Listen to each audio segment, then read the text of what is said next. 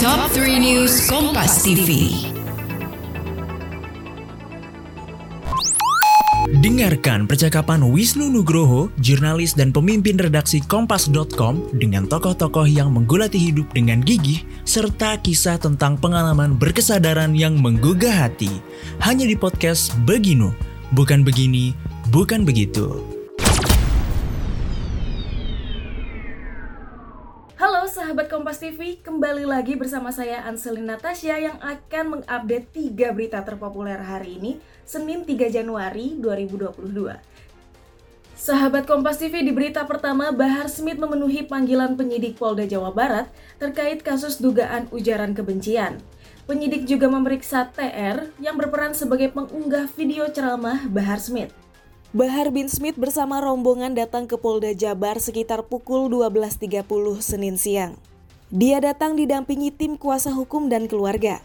Habib Bahar mengatakan jika setelah pemeriksaan ini dia langsung ditetapkan tersangka dan ditahan Polri, maka hal tersebut merupakan bentuk ketidakadilan. Awal mula kasus ini diketahui berasal dari ceramah yang diduga berisi ujaran kebencian di Kecamatan Marga Asih, Kabupaten Bandung pada 11 Desember lalu.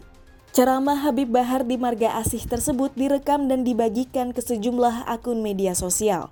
Akun YouTube yang membagikan video ceramah Bahar bin Smith berinisial TR. Sahabat Kompas TV di berita kedua, Pusat Polisi Militer Angkatan Darat menggelar rekonstruksi kasus tabrak lari dan pembuangan jenazah sejoli oleh tiga anggota TNI. Kolonel P dan Kopda AS membuang kedua korban tabrakan ke dalam sungai dari jembatan Menganti, Banyumas. Inilah reka adegan kasus terbunuhnya sejoli muda, Handi Saputra dan Salsabila di Nagrek, Kabupaten Bandung. Tiga oknum TNI tersangka dihadirkan saat proses rekonstruksi. Dengan tertunduk dan terborgol, ketiga oknum tersebut melakukan reka adegan demi adegan. Hingga tiba pada adegan, jasad kedua korban dibuang dari jembatan ke sungai. Kolonel P dan Kopda AS membuang kedua korban tabrakan ke dalam sungai dari jembatan Menganti Banyumas. Sementara Koptu DA tidak tampak terlibat dalam reka ulang pembuangan tubuh Hendy dan Salsabila. Diketahui kedua pasangan sejoli ini dibuang dalam satu lokasi saja, meski jenazahnya ditemukan di wilayah Banyumas dan Cilacap. Sahabat Kompas TV di berita terakhir pemerintah mengurangi waktu karantina kedatangan luar negeri dari 14 menjadi 10 hari karena penanganan pandemi dianggap terkendali. Meski jumlah kasus Omikron bertambah, namun penanganan COVID-19 terkendali dan tidak ada angka kematian akibat COVID.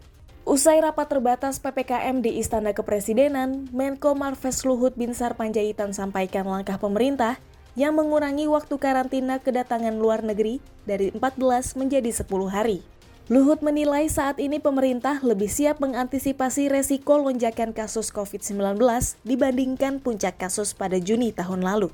Indonesia saat ini melaporkan terdapat sebanyak 152 kasus Omikron yang telah teridentifikasi dan sebanyak 23 persen pasien di antaranya telah dinyatakan sembuh.